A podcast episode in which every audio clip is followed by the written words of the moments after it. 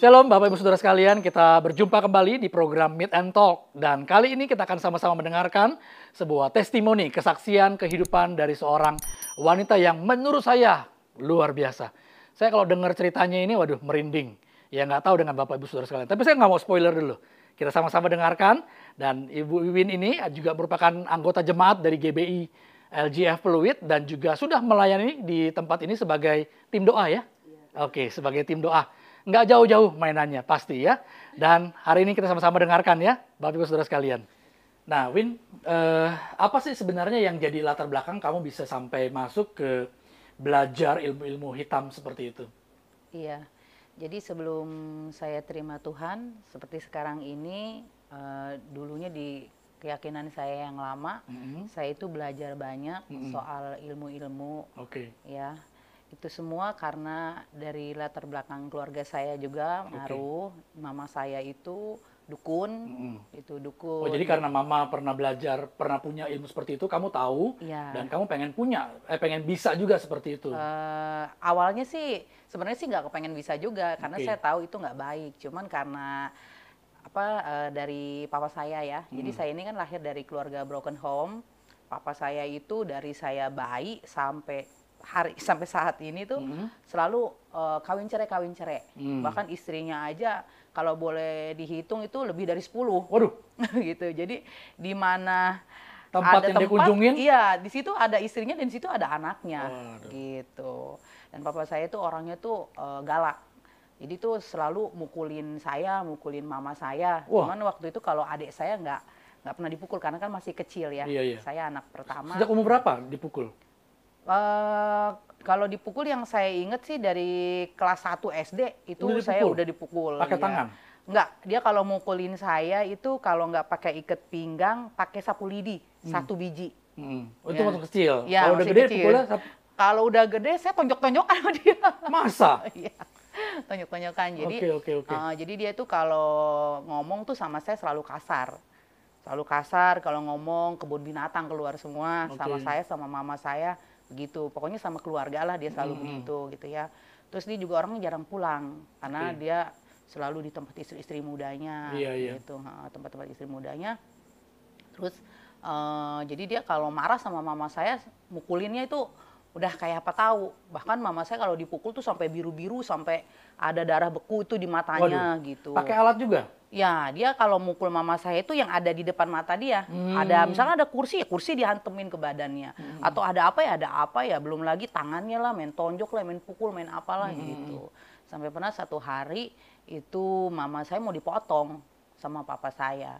Saya sampai sujud di kakinya maksudnya jangan jangan kayak begitu gitu Aduh. kan gitu. Itu nah dari situ tuh saya kan sudah mulai dewasa, saya jadi mulai berpikir, wah, ini kayaknya nggak bisa didiemin begini. Jadi saya punya trauma.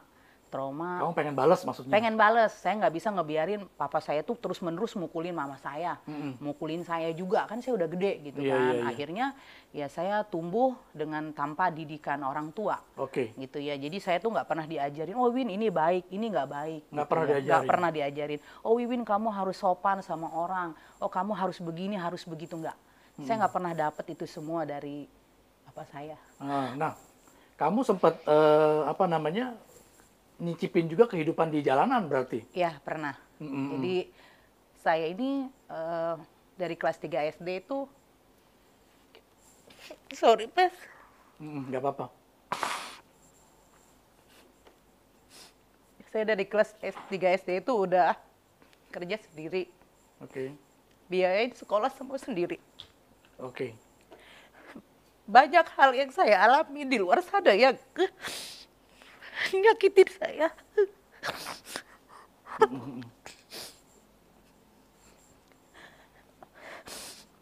yang rasanya jujur kayaknya saya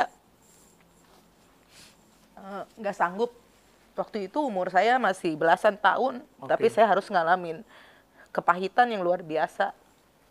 Dan ini yang membuat kamu tuh akhirnya Ya, memutuskan saya harus ya, belajar ya, ya, kepahitan ya, ilmu-ilmu ya, kepahitan yang luar biasa. Saya setiap pulang ke rumah, Mm-mm. saya selalu dipukulin. Iya. Saya selalu ngeliat mama saya dipukulin. Mm-mm. Saya akhirnya lari ke jalanan, lari keluar sana, ketemu dengan orang-orang yang orang-orang yang bukan orang-orang baik Oke. ya tapi di situ saya belajar saya harus kuat Mm-mm. gitu ya saya harus kuat demi ibu saya Mm-mm. saya makin jadi anak yang keras kepala Memberontak. ya anak yang ya, eh, kayaknya nggak bener lah nggak baik gitu ya Mm-mm. saya jadi kasar gitu bahasa saya pun waduh pokoknya kacau gitu Mm. karena saya selalu dengernya setiap hari itu yang kayak begitu Oke. lihatnya lihat yang nggak baik yang kasar-kasar terus Mm. sampai akhirnya karena saya selalu saya kenal banyak temen kenal banyak teman macem-macem Mm.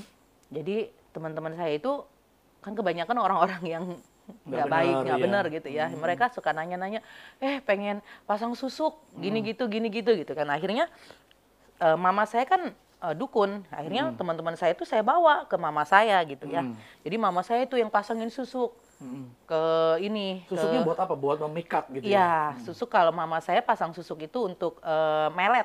Buat melet? iya, memikat. Jadi kalau ada teman saya mau pasang susuk, saya anterin ke mama saya, nanti saya bantuin. Itu benar tuh Benar, bisa? itu benar. Jadi saya bantuin. Jadi saya pun diajarin mantranya sama Wih. mama saya, diajarin mantranya, diajarin cara-caranya Hmm. gitu ya.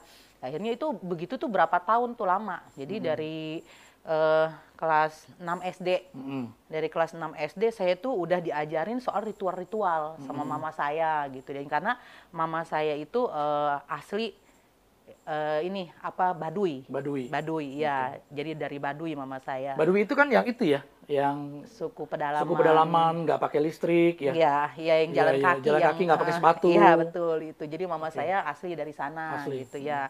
Jadi dia ajarin saya soal-soal ilmu begini begini begini tapi waktu itu dia cuma ajarin saya cara pasang susuk sama cara melet melet cowok gitu Iya, iya, ya iya jadi saya diajarin sama dia gini gini nah di situ tuh saya mulai belajar jadi saya belajar gini ah saya mesti bisa nih Mm-mm. karena kalau saya bisa, seandainya saya suka sama satu laki-laki, laki-laki itu nggak eh, nggak usah lagi macam apa, maksudnya nggak berani macam-macam sama saya gitu ya. Jadi kalau saya suka sama siapa, tinggal saya kerjain aja dah gitu. Jadi Saya dengar kamu bisa manggil rohnya juga ya?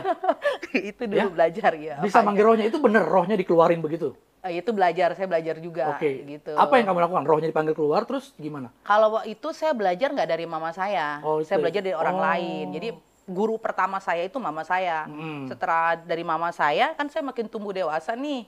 Makin Uh, tertarik, makin tertarik belajar saya makin- tempat-tempat lain. Ya, jadi makin belajar. Jadi kalau misalkan ada teman saya ngasih informasi, Win di sono no ada yang bagus, saya datengin bahkan sampai Di ke mana pulau aja? Di daerah-daerah di Indonesia?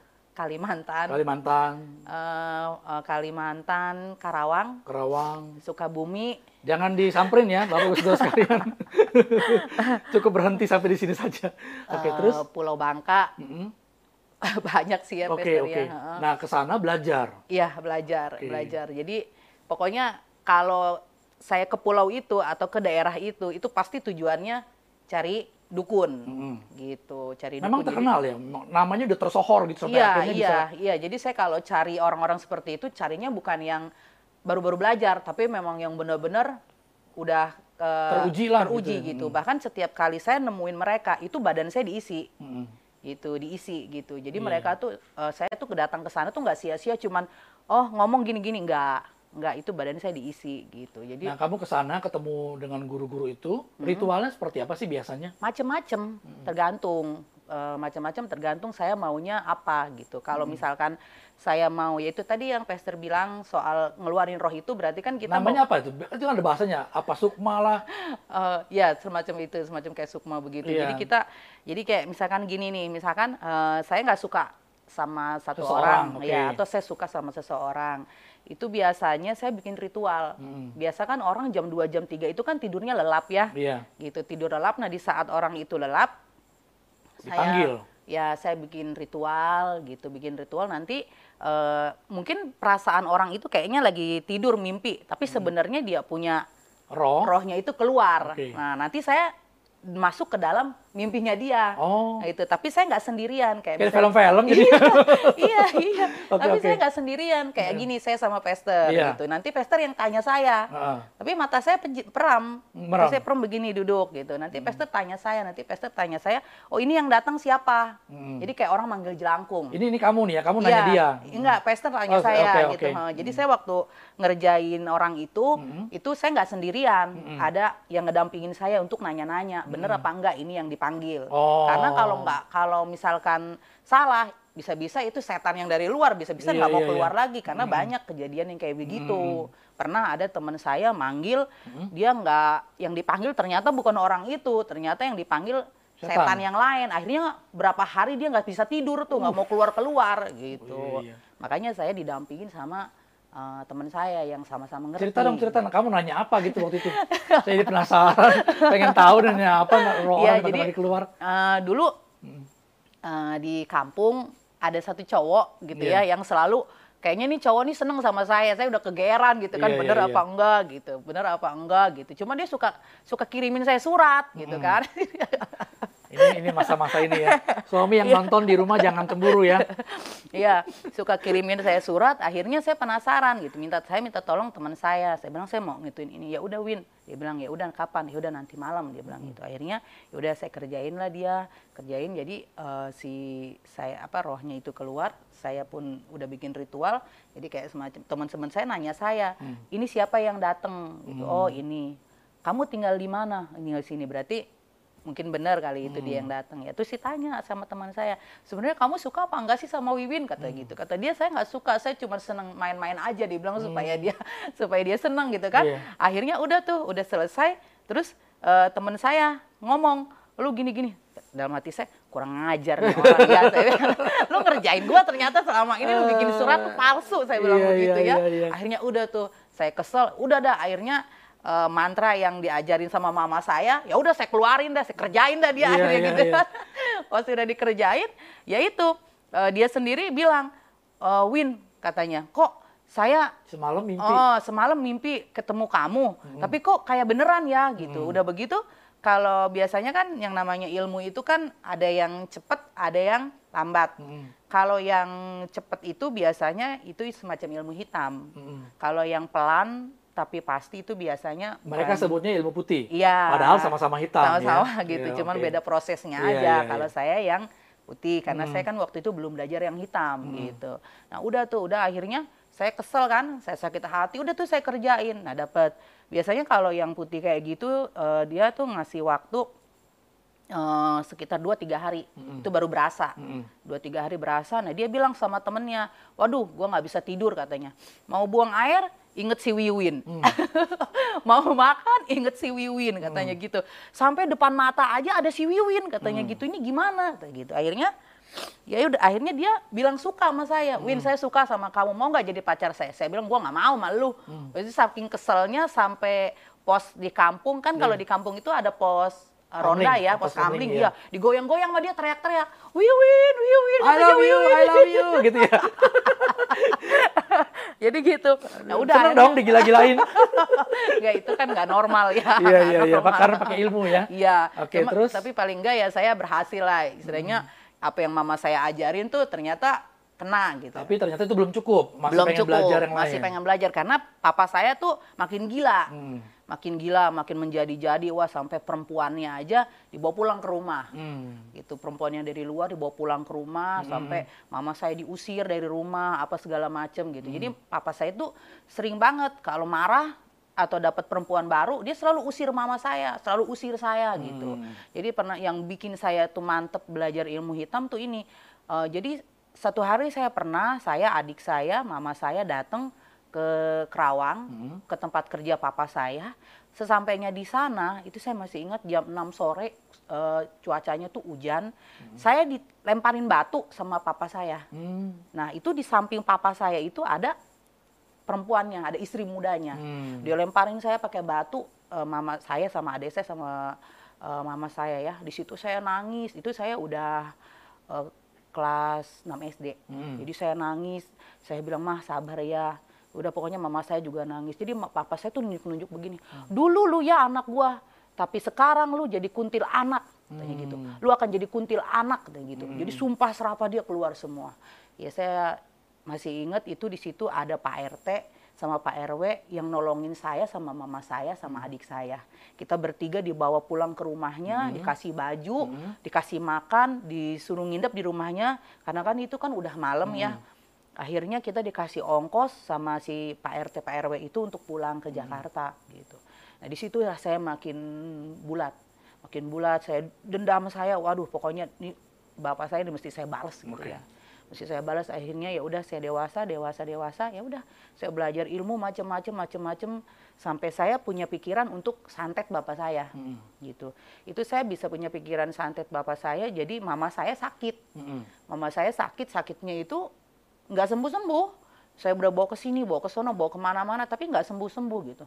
Sakit batuk batuk terus menerus batuknya itu lama. Hmm. jadi batuknya itu eh, hampir dua tahun. Hmm. Udah sampai iya sampai mama saya tuh badannya habis. Nah di situ tapi saya udah belajar ilmu ilmu macam-macam Mm-mm. udah belajar ilmu macam-macam udah ini sampai satu hari saya eh, berguru sama orang Karawang jadi guru saya itu eh, nggak bisa ngomong kayak kita begini jadi kalau saya nemuin dia itu saya harus bawa guide-nya ya untuk menerjemahkan bahasanya dia Oh, karena dia nggak bisa bahasa bisa Indonesia. nggak Hmm. bisa nggak bisa ngomong Ketemunya gampang apa perlu susah dulu? Maksudnya ribet eh, nggak nggak gampang ditemuin lah gitu. Iya, nggak gampang ditemuin kecuali kita udah muridnya. Kalau kita Hmm. udah muridnya baru dia bisa ditemuin gitu. Itu pun kita mau ketemu sama dia itu nggak mudah langsung main ketemu gitu nggak. Hmm, Harus bawa sesuatu gitu. Dan itu guru saya itu dia nggak nggak minum kayak orang gini air putih. Mm-mm. Dia nggak minum-minum Nggak kayak minum air putih. Nggak mau. apa? Mm, Dia waktu itu saya disuruh bawa sama dia minuman civas.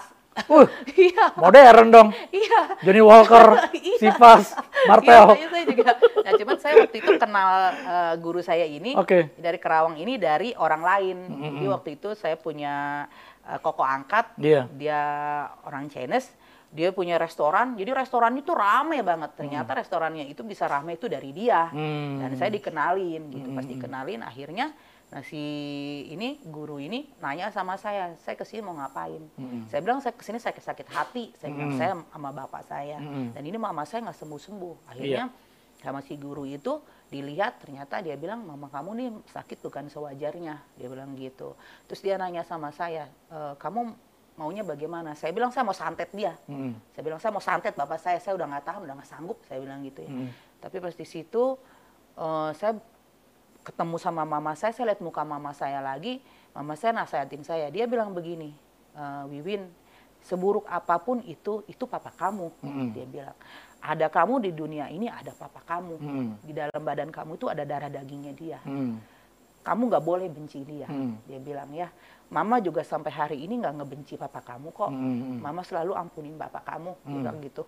Jangan kamu jangan sampai, eh, maksudnya eh, hilang kendali. Oke. Cuman gara-gara kamu tuh sakit hati. Gitu ya. Akhirnya Oke. saya udah reda, tapi saya tetap belajar ilmu. Mm. Dan mama saya diobatin sama eh, guru saya itu diobatin waktu itu guru saya itu cuman minta telur angsa. Mm. Telur angsa sama atribut-atributnya yang lain-lain itu kan dia yang siapin sendiri Iya. ya jadi bikin ritual apa segala macem gitu pas eh, itu pas ritual kayak gitu itu pas pengobatan mama saya itu itu nggak nggak nggak waktu sebentar itu lama itu makan waktu sekitar dua jam karena kan dia bikin ritual manggil manggil setan-setannya apa gitu ya nah singkat cerita mama saya muntah Mm.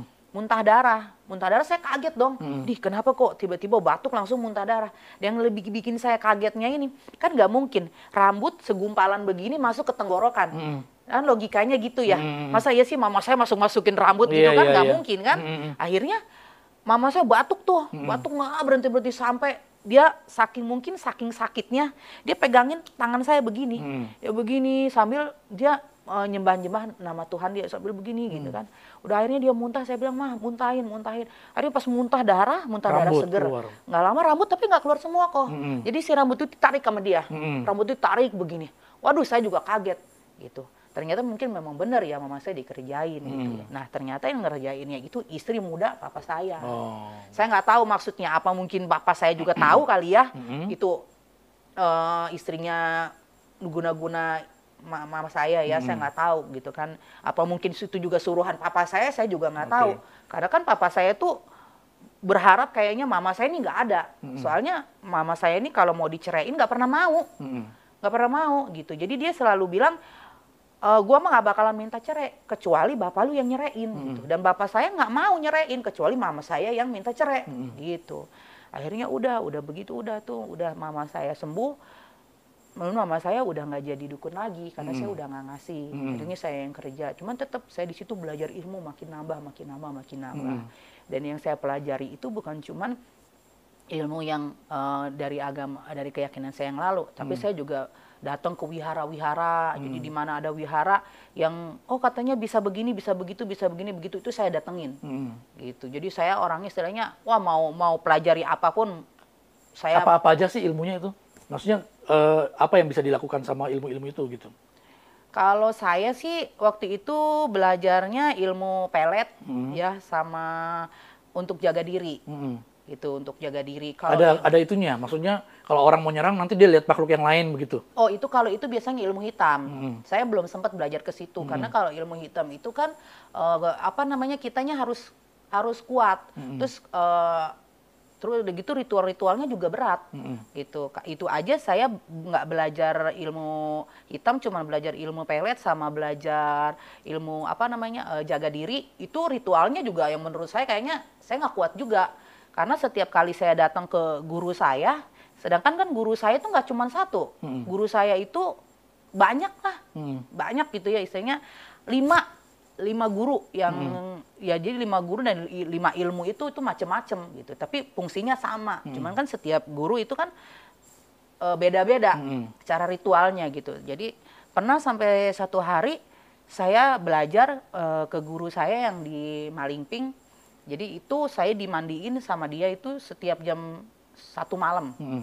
dan kalau dimandiin itu saya dibawa ke tengah kuburan Mm. jadi kuburannya itu kuburan keramat, Mm-mm. kuburan yang nggak pernah disentuh sama orang. Iya. Gitu. Jadi setiap kali saya datang ke situ, saya disuruh bawa kain eh, 4 meter. Mm. Jadi 2 meternya untuk batu nisan yang kita sembah itu, Hmm. yang kita bikin ritual itu. Oke. Jadi 2 meternya itu untuk bungkus badan saya. Mm.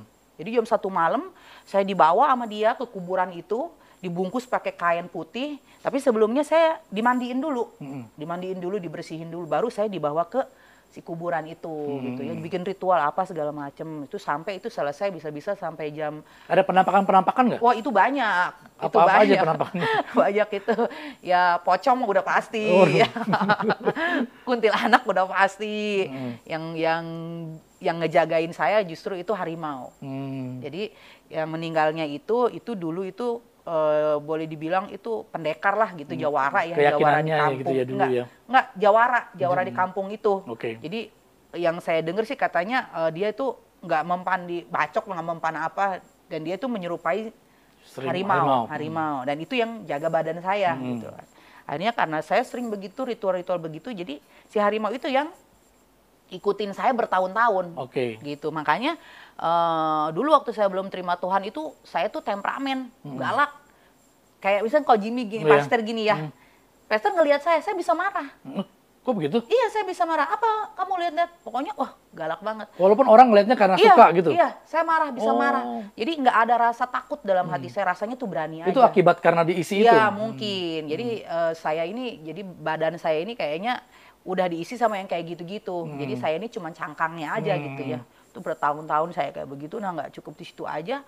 Saya belajar lagi ilmu yang lain. Saya ke Sukabumi, Hmm. ke ke Sukabumi ke ini apa namanya ke guru saya yang lain lagi, Hmm. sama bikin ritual begitu juga. Nah, terus saya belajar lagi ke Nyi Roro Kidul. Hmm. Kalau Nyi Roro Kidul itu kan ular. Hmm. Itu saya belajar di situ juga sama juga bikin ritual lagi sampai saya punya benda-benda kayak benda-benda keramat Hmm. dari keris, dari batu gitu ya, batu-batu sepasang apa itu setiap malam Jumat itu saya selalu ritual Hmm. ituin eh, supaya mereka tuh betah di tempat saya gitu. Belum lagi saya belajar ke mana ke ini ke apa namanya ke daerah Tenjo Hmm. itu guru saya itu untuk ngikat laki-laki Hmm. sama saya belajar kalau misalkan sakit hati gitu kita ya Eh, tapi ini sih saya belum pernah akuin Praktekin. gitu, Hmm. praktekin. Karena puji Tuhan pasangan saya baik gitu ya. Cuman saya per- pernah Atau diajarin. belum bertobat kali? Mungkin Iya. kalau belum bertobat, kalau macam-macam saya bikin nggak bisa bangun kali ya. gitu. Jadi Oh, bisa begitu? Bisa. Pernah saya diajarin gitu Iya. ya, diajarin. Jadi kalau misalkan saya sakit hati sama laki-laki itu atau bagaimana? Kenapa saya bisa belajar itu? Karena saya lihat papa saya kan, kan papa saya kan mukulin mama saya terus kan main perempuan terus kan. Mm-mm. Sampai akhirnya saya pikir begini, wah ini saya mesti belajar nih ilmu ini. Mm. Kalau seandainya satu hari nanti saya punya suami atau saya punya pasangan gitu ya, macam-macam nih suami saya modelnya kayak bapak saya, dibikin Sleeping Beauty. Iya. Tidur selamanya. terus itu, terus. ya. itu pasti kan sengsara tuh buat dia Oke. kan sengsara lahir batin kan gitu. Saya belajar juga ilmu itu. Nah, Belajar juga dari dari guru saya yang di Tenjo itu. Belajar juga. Terus dia juga ada ngajarin saya soal paku. Jadi laki-laki itu sebenarnya bisa dipaku gitu. Tergantung kita makunya dia ini niatnya untuk apa dulu, tujuannya untuk apa dulu. Jadi si laki-laki itu orang itu tuh wah pokoknya suruh ngejilatin jempol kaki kita juga mau dah Hmm. gitu. Saya sampai belajar itu juga Oke. gitu. Jadi banyak lah, banyak banyak yang saya pelajari gitu. Kebanyakan ya ilmu-ilmu yang nggak baik. Oke gitu. oke. Nah sampai satu saat kamu akhirnya memutuskan untuk bertobat bagaimana? Jadi ceritanya Kan kamu eh, punya keyakinan sebelumnya kan, iya. keyakinan yang lama. Iya, heeh.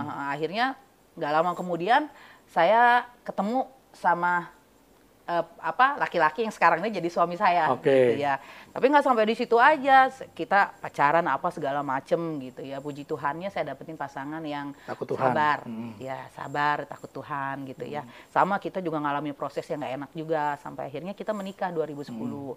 2010 kita menikah, saya tetap di agama saya yang lama Hmm. gitu suami saya tetap di agamanya dia gitu eh, di agamanya dia terus udah begitu udah 8 tahun ya sa- 8 sampai 9 tahun itu kita tuh rumah tangga tapi beda keyakinan. Gitu beda keyakinan. Karena saya ini menghargai suami saya jadi setiap kali suami saya ajak saya ke gereja ya saya ikut. Tapi jangan harap saya mau ikutin nyembah Tuhan apa segala macam nggak. Kayak patung aja saya diem gitu. Gitu kayak patung diem. Karena nggak ada rasa ini gitu dalam hati Waktu saya. masuk ke dalam gereja, kamu ada rasa sesuatu nggak? Kan? Kamu kan cukup peka ya orangnya. ada ada Nah. ada. Jadi saya ngelihat ngelihat cuman memang sebenarnya setiap tempat itu pasti ada penghuninya Hmm. cuman beda-beda Bukan, maksudnya kamu ada ngerasa hadirat Tuhan, ada udah ngerasa- udah ngerasa Oh, saya ngerasa kayak ada ngerasa damai cuma kan waktu itu saya belum buka hati iya. saya masih kekeh sama keyakinan saya yang lama. Saya masih kekeh sama istilahnya ilmu-ilmu saya gitu. Saya belum siap untuk ngelepasinnya karena saya masih berpikirnya ah jangan-jangan nih suami saya nggak bakalan bener nih gitu. Jadi saya tuh masih berpikirnya tuh yang jelek aja, berpikirnya yang negatif aja. Padahal udah jelas-jelas suami saya tuh istilahnya ajarin saya banyak hal. Dia selalu bilang "Oh, Tuhan Yesus tuh kayak begini, Tuhan Yesus tuh begini, begini, begini. Saya cuma bilang sama dia, "Se- semua agama baik. Saya bilang begitu. Saya selalu jawabnya begitu terus tuh itu sampai hampir 9 tahun ya. Nah, suami saya bergumul, berdoa apa segala macam. Nah, itu saya mulai gelisah. Jadi se- selama saya berumah tangga itu saya nggak pernah yang namanya dapet damai sejahtera. Mm-mm. Jadi selama beberapa tahun itu tuh saya selalu berantem, berantem terus. Dan kalau berantem itu eh, yang namanya perabotan itu pasti terbang, Mm-mm. gitu ya. Namanya perabotan tuh pasti terbang. Dan itu Ini saya- karena ada efek, karena pernah diisinya itu ya. Mungkin, karena kan satu- belum dilepasin kan? betul Mm. karena masih eh, masih ada yang dulu-dulu ditambah lagi kan saya belum belum terima Tuhan. Iya. belum merasakan kasih Tuhan gitu ya. Jadi saya masih temperamen masih galak. Kadang kalau saya berantem sama suami saya suami saya yang saya tonjokin. Hmm. saya tonjokin gitu ya. Iya. namanya kan dia kesel namanya laki-laki ya. Dia sering diserang terus ditonjok terus.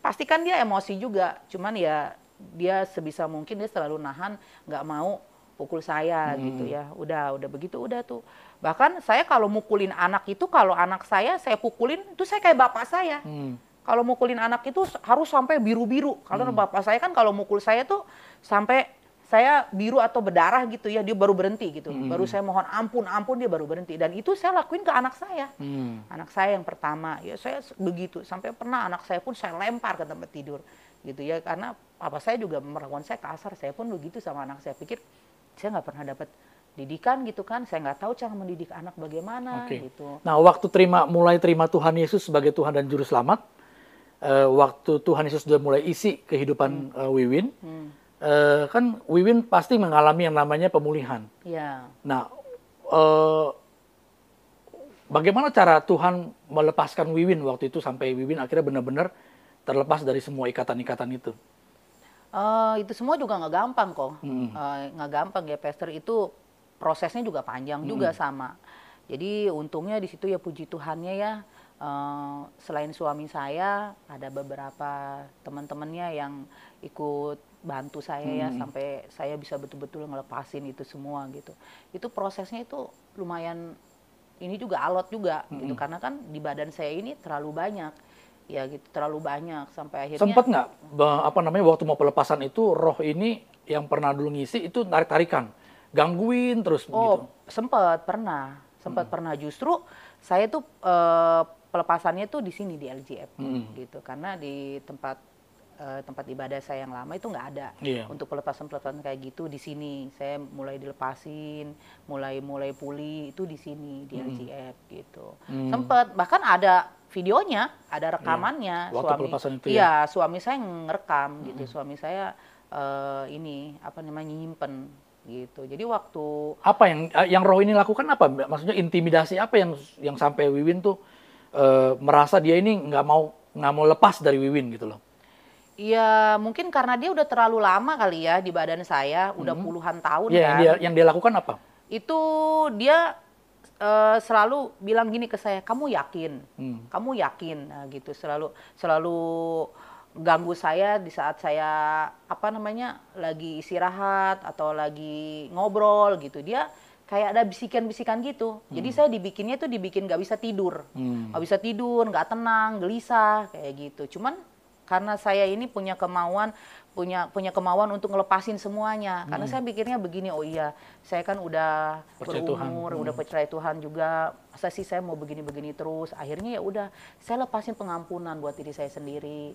Terus saya juga mengampuni bapak saya, karena kan Tuhan ngajarin saya seperti itu ya. Hmm. Justru eh, semenjak saya terima Tuhan Yesus, banyak berubah. Tuhan pulihkan semuanya. Hmm. Termasuk hubungan dengan Papa. Termasuk hubungan dengan Bapak, rumah tangga saya dipulihkan, eh, hidup saya juga dipulihkan, termasuk hati saya dipulihkan, eh, hubungan saya dengan Bapak, dengan keluarga saya yang lain pun dipulihkan gitu. Hmm. Jadi saya tuh eh, belajar banyak ya dari Tuhan itu. Tuhan itu ngajarin saya yang luar biasa, Hmm. yang saya nggak pernah dapet dari Bapak saya, saya dapat dari Tuhan. Hmm.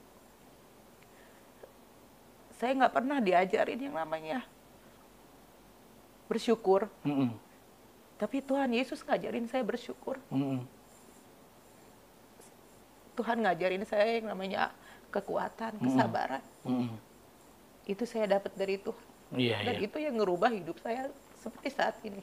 Dan sekarang sudah bisa mengasihi Papa ya. Puji Tuhan. Iya. Puji Tuhan. Bahkan papa saya pun kaget. Teman saya, keluarga saya yang lain kaget. Kaget semua. kaget ngelihat perubahan saya sekarang ini gitu karena dulu itu saya kasar terus juga nggak pernah akur sama orang tua saya tapi sekarang saya bisa nasehatin dia saya istilahnya baik sama dia dia juga kaget Mhm. gitu kaget kok bisa kayak begini dan saya bilang sama dia pak kalau Wiwin sampai hari ini itu bisa berubah itu semua karena kasih Tuhan Hmm. Bukan karena Wiwin yang kuat, Pak, bukan. Tapi ada Tuhan Yesus di hati Wiwin, Pak. Saya bilang begitu. Sama bapak saya, sama keluarga saya yang lain. Sampai Papa juga dulu sempat maksudnya sempat pengen ikut ke gereja ya kalau Iya, sekarang iya, keburu pandemi seperti ini jadi susah iya, ya. jadi dia sekarang ini, eh maksudnya Lihat perubahan Wiwin. lihat perubahan saya mau, udah mau dibawa dan puji Tuhan. eh, sekarang ini saya banyak kesaksian ke keluarga saya yang tadinya keluarga saya nggak terlalu suka, nggak terlalu terima, yang selalu mandang agama kita ini nggak baik gitu ya, Iya. Eh, selalu berpikirnya oh eh, apa namanya eh, kafir gitu. Mm. Tapi saya jelasin ke mereka, saya jelasin bahwa pandangan kalian itu sebenarnya salah. Hmm. Saya bilang, yang apa yang kalian pikirkan itu sebenarnya salah gitu. Hmm. Jadi saya eh, jelasin ke mereka dengan cara saya sendiri supaya mereka paham. Dan puji Tuhan mereka paham, mereka Iya. ngerti gitu. Iya, iya. Ya Tuhan itu baik, baik banget sama saya, betul-betul baik. Ya saya bersyukur dan saya juga orang yang paling beruntung, orang yang paling bahagia karena Tuhan memilih saya, gitu ya. Jadi apa yang terjadi ke hidup saya itu semua karena kebaikan Tuhan. Kalau Oke. saya sampai hari ini bisa berubah, sampai hari ini bisa ada di sini, sampai hari ini bisa pelayanan, Semua itu karena Tuhan, ya? Karena Tuhan. Oke. Nah, eh, Win boleh nggak cerita kira-kira kenapa sih kok kamu sampai mau eh, memberikan diri kamu buat Tuhan, sampai kamu tuh mau terima Tuhan Yesus sebagai Tuhan dan Juru Selamat? Kan kamu punya ilmu dan kamu merasa bahwa ada ilmu kamu yang jagain kamu. Kamu punya keluarga, ada keluarga kamu. Sekarang kamu sudah punya keluarga. Tapi kok kenapa sampai kamu tuh bisa pengen akhirnya memutuskan untuk terima Tuhan Yesus sebagai Juru Selamat? Iya, karena saya sering antar suami saya ke gereja, Hmm. sering dengerin khotbah, Sering antar apa sering temenin? sering nganter. Saya selalu berpikirnya nganter Oh, gitu. nganter. Iya, nggak nemenin Oke, gitu oke, kan. oke. Eh, nganter gitu karena kewajiban gitu kan. Iya. Sering nganter, sering dengerin khotbah, sering dengerin apa namanya eh, pujian-pujian Tuhan. Hmm. Itu di situ bikin saya tuh damai. Hmm. Di situ saya mulai cari tahu, cari tahu, mulai gelisah. Saya mulai banyak tanya, saya mulai eh, belajar apa namanya eh, baca, terus juga cari-cari di YouTube gitu Siapa ya. Tuhan Yesus Oh, itu? Siapa Tuhan Yesus itu? Dan saya mulai membandingkan, Hmm. membandingkan eh, Tuhan Yesus dengan Keyakinan keyakinan, yang. Hmm. saya yang lama gitu. Ternyata jauh banget perbedaannya gitu Hmm. cara mengajarinnya. Nah di situ mungkin karena suami saya juga selalu berdoa selama 9 tahun itu ya. Hmm. Suami saya berdoa gitu bergumul minta sama Tuhan supaya hati saya dijamah, hati saya diubah. Nah pas 2018 itu saya ingat 2018 saya mulai tanya suami saya. Saya bilang cuman sebelum saya bertanya sama suami saya, saya sempat mimpi Mm-mm. mimpi mimpi saya ketemu dengan eh, sosok laki-laki yang tampan sekali itu ya dia rambutnya segini Pasti bukan rambutnya- suami itu ya? bukan Ya, rambutnya segini ikal itu keemasan itu terang sekali Hmm. Oke. dan itu wajahnya itu eh, samar-samar tapi luar biasa bikin hati saya damai Karena sejahtera kamu tanya eh, pengen tahu kebenaran, Iya. maka kebenaran itu datang Iya, sama kamu. iya, iya saya pengen tahu. Itu saya udah mulai gelisah, udah mulai gelisah tapi saya belum belum tanya sama suami saya, Itu belum siapa? tanya, itu eh, belum belum nanya gitu. Akhirnya saya mimpi, mimpi itu ya di dalam mimpi itu saya dibawa sama sosok laki-laki, tangan saya digandeng, saya dibawa ke rumput yang eh, betul-betul hijau, Hijau. pemandangannya tuh aduh bikin kita tuh damai. Dia cuma bilang begini sama saya, Wiwin ayat Korintus. Hmm. Nah, sedangkan saya nggak tahu ayat Korintus itu apa Hmm. saya ngelihat Alkitab aja megang Alkitab aja buat saya tuh kayaknya tuh ini banget gitu ya Hmm. jijik banget nggak mau banget karena penatiknya saya Hmm. udah akhirnya udah di situ saya mulai tanya suami saya saya bilang pih kenapa Tuhan Yesus itu dipanggil Bapak Hmm. kenapa Tuhan Yesus itu dipanggil Tuhan Hmm. kenapa Tuhan itu kok namanya ada tiga oh saya mulai nanya mulai nanya kayak saya nih anak kecil gitu ya Hmm. balik ke anak kecil lagi suami saya mulai jelasin perlahan-lahan cuman karena saya ini orangnya kan nggak cukup ngejelasin dia begitu aja saya cari tahu lagi Mm-mm. lewat buku lewat teman-temannya lewat mana-mana akhirnya di situ saya mulai mantep mulai yakin bahwa apa yang saya pilih ini udah benar nggak di situ lagi saya ngalamin sesuatu yang luar biasa Oke. kayak saya Apa tuh? jadi pernah satu sebelum saya mantep di baptis jadi anak saya itu pernah sakit Mm-mm. yang um, eh, nomor dua Mm-mm. jadi dia udah pernah ke dokter itu sampai tiga kali. Mm-mm. panasnya itu 39 hampir 40 Mm-mm. dan itu dia udah minum obat terus tiap hari. Saya stres dong. Mm-mm. stres pikiran nih bagaimana nih caranya gitu ya. Nah udah begitu saya saya berdoa. Suami saya mau pergi kerja saya berdoa saya sengaja nggak kasih minum obat anak saya. Nah anak saya tidur di pangkuan saya sambil sebelum saya terima Tuhan saya bilang begini. Waktu itu saya udah mulai dibaptis tuh tapi hati saya makin galau makin bimbang Udah dibaptis tapi belum belum Tuhan? belum belum belum dibaptis Oh, belum baptis. belum dibaptis. Hmm. udah mulai tapi saya udah mulai belajar mulai cari tahu mulai gelisah gitu ya tapi saya belum yakin belum yakin sama keputusan saya ini saya mau pilih Tuhan apa enggak gitu Hmm. masih belum yakin saya masih gelisah karena saya masih sayang Mm-mm. melepaskan apa yang saya punya bertahun-tahun ini gitu Oke. ya akhirnya saya berdoa anak saya panas tinggi saya berdoa saya ngomong tuh sama Tuhan tuh kayak saya tuh ngomong kayak sama preman gitu. Hmm. saya tunjuk-tunjuk begini. Saya bilang Tuhan saya bilang. Orang panggil kamu itu eh, Tuhan Yesus saya bilang Hmm. ya. Orang bilang kamu itu bisa menyembuhkan yang sakit. Bahkan kamu bisa membangkitkan yang mati. Saya Hmm. bilang begitu. Kalau memang betul apa yang orang bilang seperti itu sekarang kamu tunjukin sama saya. Buktiin sama saya. Saya bilang anak saya sekarang lagi sakit nih. Saya nggak minta apa-apa, saya bilang Tuhan, saya cuma minta sembuhin anak saya. Kalau anak saya sembuh, saya akan sembah kamu sampai saya mati. Saya bilang, saya nggak akan berpaling ke mana-mana.